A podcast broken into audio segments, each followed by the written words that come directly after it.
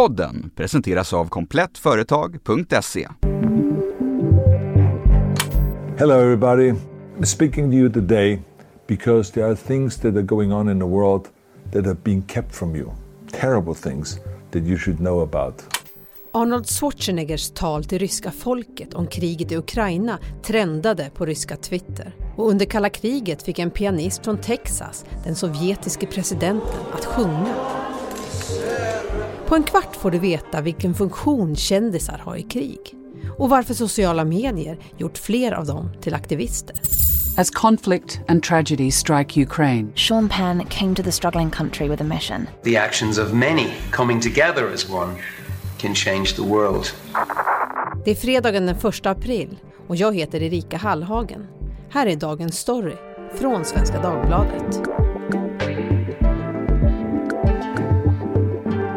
Essy Klingberg, du är debattredaktör på SvD Kultur. Vad var din reaktion när du såg det här talet? Ja, alltså när den kom upp i flödet eh, så reagerade jag på texten eh, in till själva videon och att det var ett ganska eh, kaxigt anslag från Arnold Schwarzenegger att han ville liksom berätta sanningen för, för det ryska folket. eh, men samtidigt så vet man ju att, att han är väldigt retoriskt skicklig och när jag väl började kolla på videon så blev jag faktiskt överraskad själv av hur berörd jag blev av det han faktiskt sa. Och det är ju det är en ganska intressant scen som han sitter i. det är ett ganska liksom statsmannamässigt upplägg. Han, han sitter som i en sorts en kitschigare version av The Oval Office. Ja, eh, till liksom eh, en bokhylla i bakgrunden, man ser bild, familjebilder, man ser medaljer, han sitter vid ett glasskrivbord. Så det är ju en ganska personlig miljö samtidigt som han framstår som någon sorts eh, semimakthavare. Ja, det är lite flaggor och grejer i bakgrunden. Också. Och en bild på honom själv. Ja, med, med, när han spänner, spänner mm. med armen. Va? Eh, det här fick ju enorm spridning. Va, va, vad är det som gör det så starkt tror du? Ja, alltså han eh, börjar ju liksom på ett väldigt personligt plan eh, och berättar utifrån sin egen uppväxt i Österrike eh, och det, är ganska, det dröjer ganska länge innan han egentligen går in på kriget. Han berättar om en, en rysk tyngdlyftare som var hans egen barndomshjälte. Let me just tell you about the Russian who became my hero. In 1961 when I was 14 years old a very good friend of mine invited me to come to Vienna and to watch the World Weightlifting Championships. Jag såg det i, i någon sån eh, analys av talet att eh, man uppskattar att omkring 60 procent eh, ägnas enbart åt historieberättande. Alltså då inte om kriget utan om hans egen uppväxt, om hans familjebakgrund och om hans liksom, kärlek till det ryska folket. Mm. Så det är ju ett, det är väldigt mycket gestaltning i talet och det tror jag gör det också väldigt starkt. Her name was synonymous with protest, whether it was protest for civil rights or against the Vietnam War. Probably the most dangerous situation was in Hanoi in 1972. Inte alla artister beger sig som den amerikanska folksångerskan Joan Baez till brinnande krig. Men även nu under kriget i Ukraina har kändisvärlden slutit upp. Vissa gör det i egen regi, som skådespelarparet Ashton Kutcher och Mira Kunis som själv är född i Ukraina. We hit our goal. Over 30 million dollars raised. Over 65,000 of you donated. We are overwhelmed with gratitude for the support. Andra, som till exempel skådespelarna Orlando Bloom och Kate Blanchett, engagerar sig som ambassadörer för hjälporganisationer som flyktingorganet UNHCR. FNs barnfond Unicef förstod redan på 1950-talet att de med hjälp av kändisar kunde få ett större genomslag och anlitade komikern Danny Kaye som sin första goodwill-ambassadör. Please help. Send your contributions to Unicef, care of United Nations, New York 10017. Thank you very much. Men det känns som att det finns ganska stora förväntningar på kända människor att de ska ta ansvar. Ja, alltså jag tror att förr så såg man liksom mer på kändisvärlden som en, en separat, avlägsen och så mytomspunnen värld. Medan nu så är vi ju, de, de allra flesta har ju en ganska nära relation till kändisar som följer på sociala medier. Och i och med att vi är vana vid att, att kändisar uttalar sig om extremt eh, triviala saker och vardagshändelser så hade det blivit väldigt märkligt om man då inte tog ställning när det kommer en så stor händelse som till exempel ett krig. Mm. Samtidigt så är de också lätta att driva med, de här liksom världssamvetena som liksom Bono och Angelina Jolie. Varför, varför är det så? Varför skämtar vi så lätt om, om kändisar? Men det, det, finns ju ofta eh, något lite verklighetsfrånvänt i, i liksom en del av de här initiativen. Alltså som till exempel den här väldigt plågsamma covern på Imagine eh, som eh, en rad kändisar gjorde tillsammans under eh, början av coronapandemin. Eh, och det är ju så tydligt exempel på hur fel det kan slå mm. om det uppfattas som tondövt. Den amerikanska skådespelaren Anne McCord eh, blev extremt hånad nu under början av eh, invasionen av Ukraina efter att hon gjort en video där hon adresserade Putin direkt. Dear President Vladimir Putin, I'm so sorry that I was not your mother.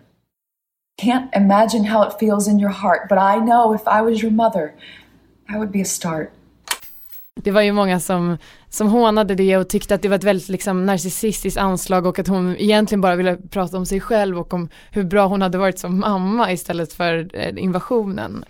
Men eh, finns det inte också, bortsett från det här hånet då, det, en, en, risk att liksom karriären dyker om man, om man engagerar sig för, för fel sak? Jo, absolut, absolut. Och det, det, det riskerar ju alltid liksom att mötas av en backlash. Men där kan man ju se att eh, um, alltså Ukraina och Ryssland är ju en förhållandevis trygg konflikt att ta ställning i i och med att eh, eh det finns en så pass tydlig dramaturgi. De allra flesta i väst är så pass eh, emot eh, liksom Rysslands invasion. Eh, så att det är, ju, det är ju mer tacksamt på det sättet.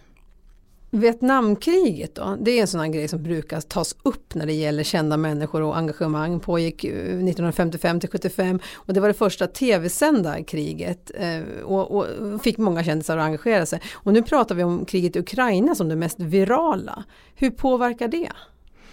För varje konflikt som sker eh, så blir våra möjligheter att dokumentera och dela med sig av vad som händer eh, bättre. Eh, och eh, det, det, såg vi till exempel under eh, arabiska våren när händelseförloppen gick att följa eh, direkt på, via Twitter och att det gjorde att många fick en mycket mer, en mycket närmare relation till liksom, konfliktens kärna och det skapar ett engagemang.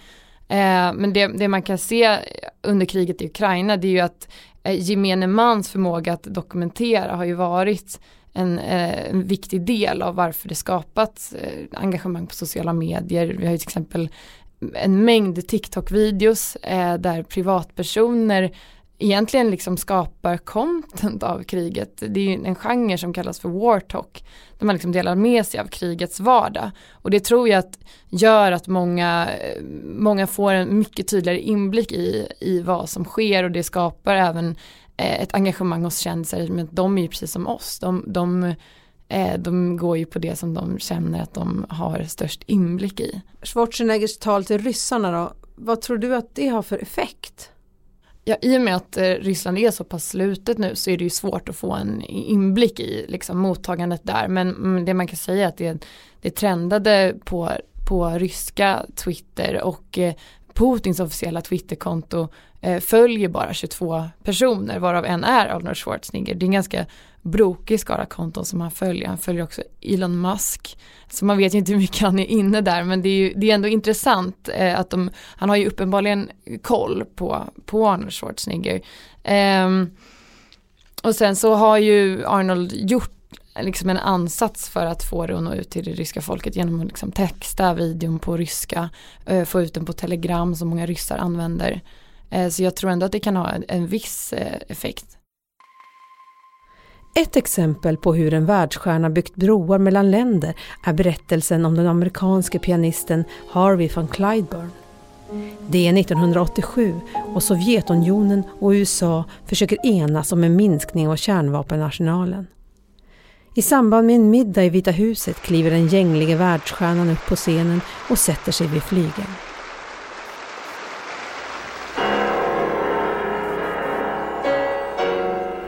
Tar en stund innan den finklädda publiken, inklusive det sovjetiska presidentparet Mikhail och Raisa Gorbatjov, uppfattar att han spelar den ryska nationalsången. Men då reser de sig upp. Och efter några klassiska stycken tar den amerikanske presidenten Ronald Reagan till orda. Music is the universal language of mankind. We've certainly seen that confirmed here tonight. Van Cliburn is a musician that is known almost as well, perhaps, in the Soviet Union as he is here in the United States. For young Van Cliburn won the hearts of the Soviet people and the critics during the Tchaikovsky uh, competition, which he won in 1958. Drygt 30 år tidigare, 1958, hade alltså van Cliburn vunnit det ryska folkets hjärtan och första pris i den prestigefyllda Tchaikovsky-tävlingen i Moskva. Under en era när det rådde terrorbalans och rymdkapplöpning mellan öst och västblocket.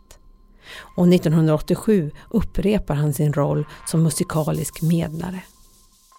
I think you know by my constancy how very deeply I love Russian people and your culture and your art. Vi är tillbaka i Vita husets bibliotek och efter att fru Gorbatjov bett om ett extra nummer sätter sig van Kleinborn vid flygeln igen och tar själv ton på ryska i superhitten Moscow Nights. Presidentparet spricker upp i ett stort leende och sjunger med.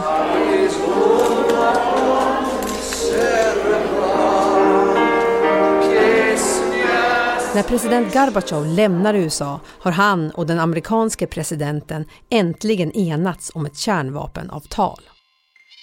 Tillbaka till nutid då Essy. Det är svårt att veta hur de ryska reaktionerna är på omvärldens kritik av kriget i Ukraina. Men Putin har åtminstone snappat upp termen cancel culture och drar paralleller mellan sig själv och Harry Potter-författaren J.K. Rowling. Ja, alltså det var ju ett, ett tal där han liksom eh, fördömde bojkotten mot Ryssland och liksom sanktionerna mot Ryssland eh, genom att då dra paralleller till hur väst har behandlat J.K. Rowling som kritiserats för uttalanden om transpersoner eh, och då menar Vladimir Putin att eh, ja, precis som det pågår en på bojkott mot mig så pågår det en, en bojkott mot, mot J.K. Rowling.